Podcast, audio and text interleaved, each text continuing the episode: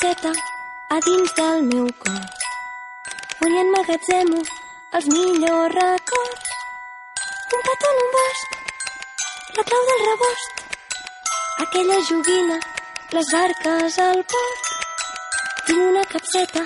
I amb aquesta capseta de records introduïm Andrei Dorine. L'Andrei Dorine són una parella de vells que després de molts anys de relació ha caigut en la rutina i una mica també en la desídia. Ell es passa el dia escrivint a màquina i ella intentant tocar el violoncel. Podríem dir que es molesten una mica l'un a l'altre. Sí, però a poc a poc la Dorine comença a fer coses una mica estranyes i finalment li, li diagnostiquen un Alzheimer i la malaltia, aquesta por a l'oblit, farà que recuperin tot el que ha sigut la seva relació.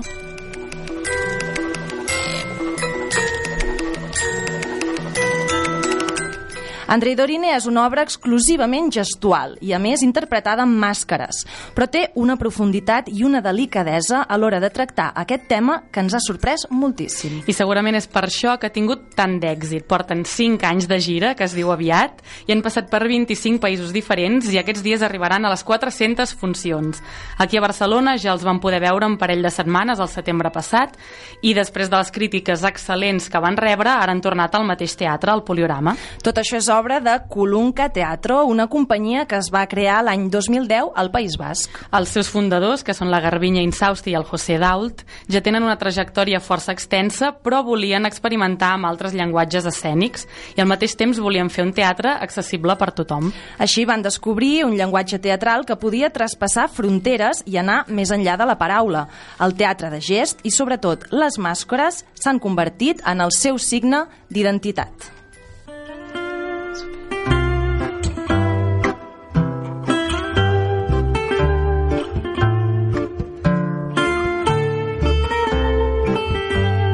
Y ahora sí, vamos a presentar a nuestros invitados de esta noche. Buenas noches, José Dal. Bona nit a tothom. Bona nit. Tú eres actor y cofundador de la compañía Colunca Teatro. Eso es. Bienvenido. Gracias. Y Edu Cárcamo, buenas noches. Buena nit. Muchas gracias por estar aquí. Tú eres actor también, además con formación de, dan de danza, de acrobacias, de canto y eres colaborador de la compañía habitual, ¿no? Pues sí, sí, sí, yo soy, eh, bueno, eh, nuestro compañero José y, y Garbiñe son los productores y actores de la compañía y yo soy el tercer actor. Muchísimas gracias por esta presentación preciosa que habéis hecho del montaje. A vosotros por traernos a Andrei Dorine. Vamos a hablar de este espectáculo, de esta magnífica y esta joya tan preciosa que es. Andrei Dorine, exacto. José, empezamos por ti. ¿Cómo descubristeis el, el teatro gestual y estas máscaras? ¿Qué referentes tenéis? Sí, eh, nosotros so- allá sobre el poquito antes del 2010 teníamos Garbiñe y yo la, la idea de querer contar una historia de amor en la vejez. Y ya veníamos dándole vueltas y conocimos también el trabajo de Family Floth, que es una compañía alemana que trabaja también con este tipo de máscaras. Y junto con otras mm, compañías que también manejan un poco el código, nos preguntamos, ¿y por qué no? ¿Por qué no nos lanzamos ¿no? A, a este código que nos pareció de una capacidad de comunicación y de expresión brutal? ¿no? Y así fue como nos, nos atrevimos un poco, porque aunque todos eh, hemos tenido formación en la RESAD, en Madrid, en la, en la Escuela Superior de Arte Dramático. Eh, las máscaras o el teatro gestual era algo que solo habíamos pues eh, abordado un poquito de soslayo, ¿no? Sin demasiada profundidad. Entonces fue eh, haciendo la obra, descubriendo la historia, que también descubrimos el código y la capacidad de expresión que tiene. ¿Y cómo es que funcionan también estas máscaras?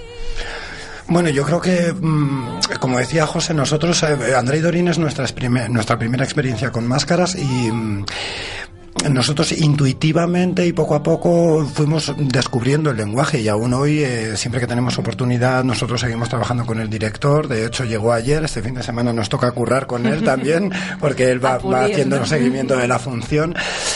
Y eh, es cierto que, que tiene, pues tienen mucha magia, ¿no? Es, eh, yo no sé si mm, por el tipo de código que es, yo no sé si porque hace que el público, al, te- al no tener palabras, de alguna manera mm, tenga una atención especial y vaya descifrando qué es lo que ocurre en escena, yo no sé qué es, pero la capacidad de, de atrapar al público es brutal y de emocionar y de, de alguna manera llegar como directa al corazón, ¿no? Comunicando emociones también es muy fuerte. Es algo que además que nos hemos dado cuenta que ocurre en todas partes, tanto aquí en España como en el resto de países que hemos visitado. ¿Qué es esto que emocionáis precisamente sin decir ni una palabra? ¿Creéis que es como la música y por esto es más fácil?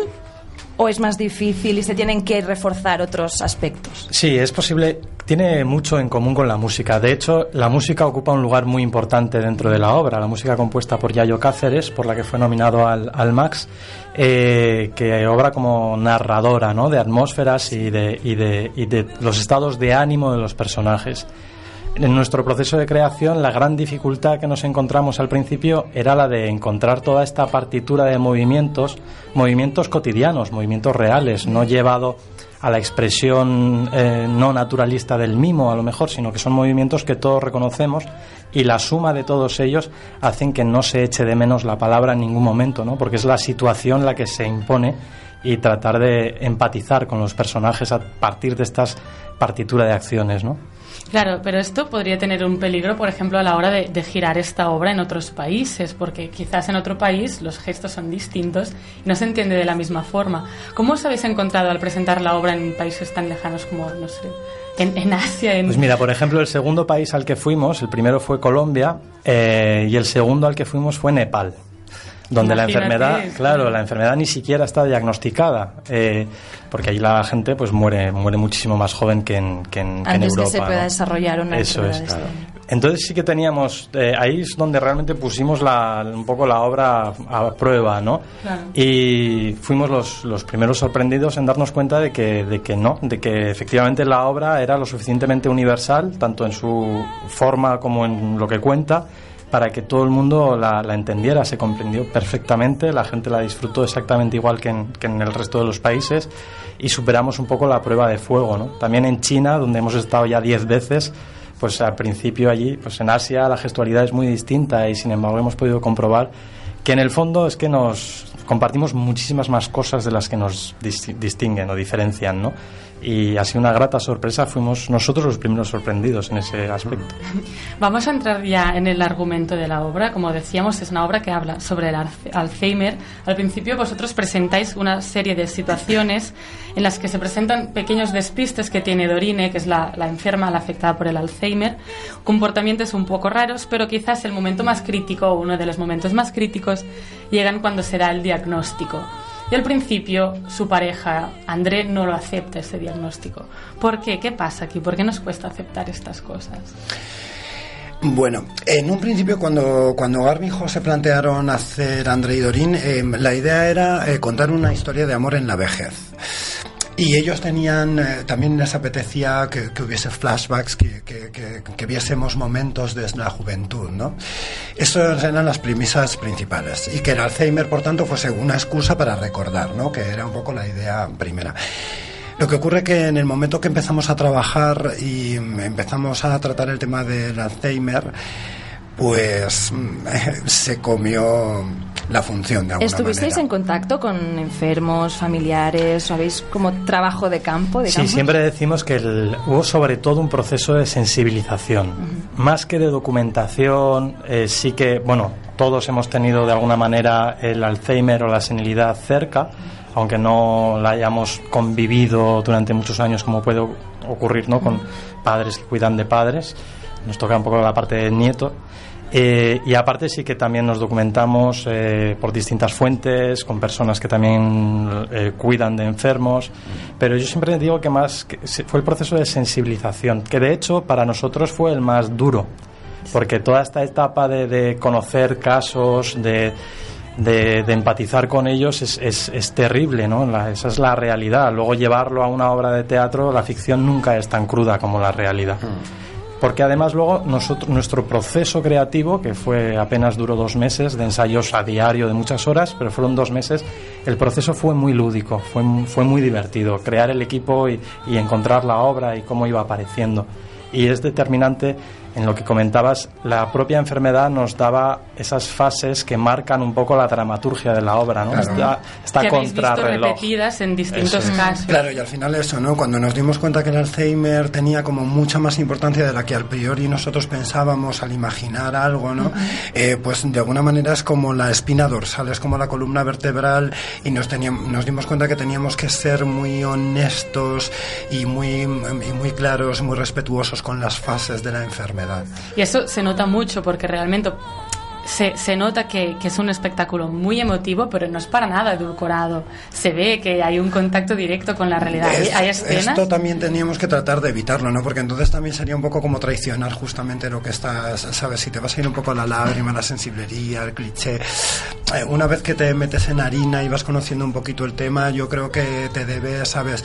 El, el lenguaje de la máscara te exige ser muy esencial y, y con, y con un poco la enfermedad y la información que teníamos, también teníamos que tratar de ser como muy honestos y muy justos. Claro, lo, ¿no? lo que nos gustó de hecho es que a pesar de ser un tema pues crudo y duro, la obra no es lacrimógena, sino que tiene muchos toques de humor y estabas a lo mejor con la lágrima en el ojo, pero te salía la sonrisa. ¿Esto cómo se trabaja también? Sí, eso es primordial, por dos razones. Primero, porque eh, la vida es así. O sea, en la vida eh, hay espacio para la risa y el llanto en menos de tres minutos. La enfermedad también lo es, porque en el Alzheimer también eh, ocurren situaciones en las que, aunque la enfermedad sea terrible, no puedes evitar mm, Sí. ver la comicidad de determinadas situaciones. sí, sí. Y después porque obviamente también el, a nivel de ritmo de la, de la obra, pues la obra lo exigía también, no, no quedarnos con la parte más dramática, sino tener estos momentos de alivio, de respiro, que la comedia esté presente, porque si no puede ser, puede ser terrible, nos podemos ir al dramón. Yo creo que una, una clave esencial para nosotros fue no querer contar desde un principio una historia sobre el Alzheimer, sino que fuera un contexto. De hecho, al principio en el proceso creativo ni siquiera éramos cons- eh, conscientes de la capacidad emotiva que tenía el montaje. Hasta que no vinieron los primeros amigos a ver la obra y quedaron devastados, porque además recuerdo que lo primero que vieron fue precisamente la parte de la enfermedad. Todavía los recuerdos, la comedia no estaba instalada. Y claro, acabamos y, y no podían decirnos nada, no podían hablar, estaban totalmente consternados. No, no, esto no, no puede, no podemos dejarlo ahí, necesita, necesita comedia. Sí, además también queríamos de alguna manera mm, también abrir una puerta a la esperanza, ¿no? Sí. O sea, porque porque ocurre, porque ocurre y porque y porque no tiene por qué no ser así, ¿no? No, y eso queda muy claro, de hecho, ¿no? Que cuando una cosa muere, otra nace o Claro, empieza, como es el hijo que tiene, no vamos a desvelar nada, pero hay esperanza. No, no, porque hay que ir al poliorama para descubrirlo. Sí, pero eso- yo creo que André Dorín, perdona, es una, es una gran receta para hacer frente a la enfermedad y para hacer frente a, esta- a este tipo de situaciones, donde siempre hay lugar a la esperanza y donde la lucha merece la pena.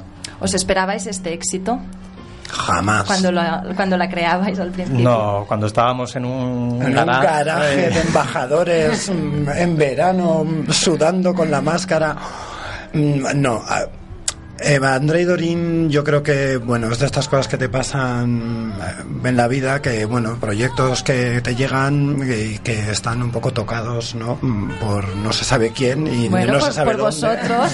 Sí, no, pero es que lo, lo suerte y es comentaba- talento, ¿no? lo bueno, muchas gracias, pero lo comentaba José y es cierto, ¿no? Estábamos aprendiendo un lenguaje nuevo, era un juego, nunca hubiéramos esperado lo que iba a ocurrir. Mm, Entonces, la verdad que ha sido un regalo y de alguna manera que, bueno, que tiene ángel, ¿no? Tanto el proceso como todo lo que ha ocurrido después que ni en nuestros mejores sueños lo hubiésemos pensado. De hecho, nuestro segundo espectáculo de máscaras, Solitudes, nos, la creación nos costó mucho más. Porque, claro, ya pues hay unas expectativas que aunque tú te las quieras Claro. quitar de la cabeza, pues están y hay gente que te está esperando y que te dice, bueno, que vinisteis hace tres años con André Dorín, ¿cuándo venís con el qué? siguiente? Entonces, inevitablemente, estamos muy contentos con el resultado y estamos disfrutando mucho de compaginar la gira con los dos montajes, pero costó mucho más esta segunda creación. Que Solitude también tiene la vejez como protagonista, ¿no? Es ¿Qué pasa que, aquí? que os preocupa. Sí, es una, esto, esta lectura la hemos hecho un poco a posteriori, en realidad. Creo que dentro de la compañía hay una especial sensibilidad con, con, pues todo lo que gira en torno a, a la vejez y, y- y bueno, a un sector de la población que parece estar eh, relegado a, a no sentir, a no vivir. Un poco a- olvidado. Un poco olvidado. En- vivimos en una sociedad hecha, es un poco el sueño del inmortal, ¿no? Para los jóvenes, para la belleza, para lo... Para el lo- hombre exitoso. Eso es. Y entonces ya no produces, ya no tienes derecho a enamorarte. Parece incluso que está un tema tabú, que un anciano tenga una pasión amorosa. Entonces, bueno, eh, tenemos ese, es verdad que tenemos ese atractivo hacia ese determinado tipo de, de temas. Pues ya para ir cerrando, ¿qué proyectos os esperan? ¿Qué estáis preparando? ¿Nos podéis desvelar alguna cosa? Sí, 2015 ha sido especialmente productivo para Kulunka porque tenemos nuestro segundo espectáculo de máscaras, Solitudes, con el mismo equipo, variando la música que en esta ocasión la ha hecho Luis Miguel Cobo en vez de Yayo Cáceres y que bueno que está empezando su gira tanto nacional como internacional a la vez que Andrei Dorín sigue sigue con vida Estáis y trabajando en paralelo. Sí, sí, sí. Ahora hacemos encaje de bolillos, ¿no? Nunca mejor dicho, porque encontrar las fechas, tenemos muchas fechas comprometidas ya de aquí al año que viene, lo cual, eh, tal y como están las cosas, pues es, es un- nos sentimos muy afortunados. Sí, pero ahora ya empezamos con una furgoneta que viaja por la península con André Dorín, mientras la otra la recoge otro chofer con solitudes. O sea, Estamos creciendo. Camino, camino de la factoría Culunca, vamos. Sí. Hacer una franquicia. Sí, una franquicia. Pues nada, muchas gracias Edu y José por venir aquí a la Cor dels Miracles. Os vamos y- a seguir seguro porque ha sido un placer Sí. ir a veros y hablar con vosotros también. Y la recomendamos a todo el mundo que nos esté escuchando que corra al Teatro Poliorama, por favor, a ver a Andrei Dorine porque es una belleza.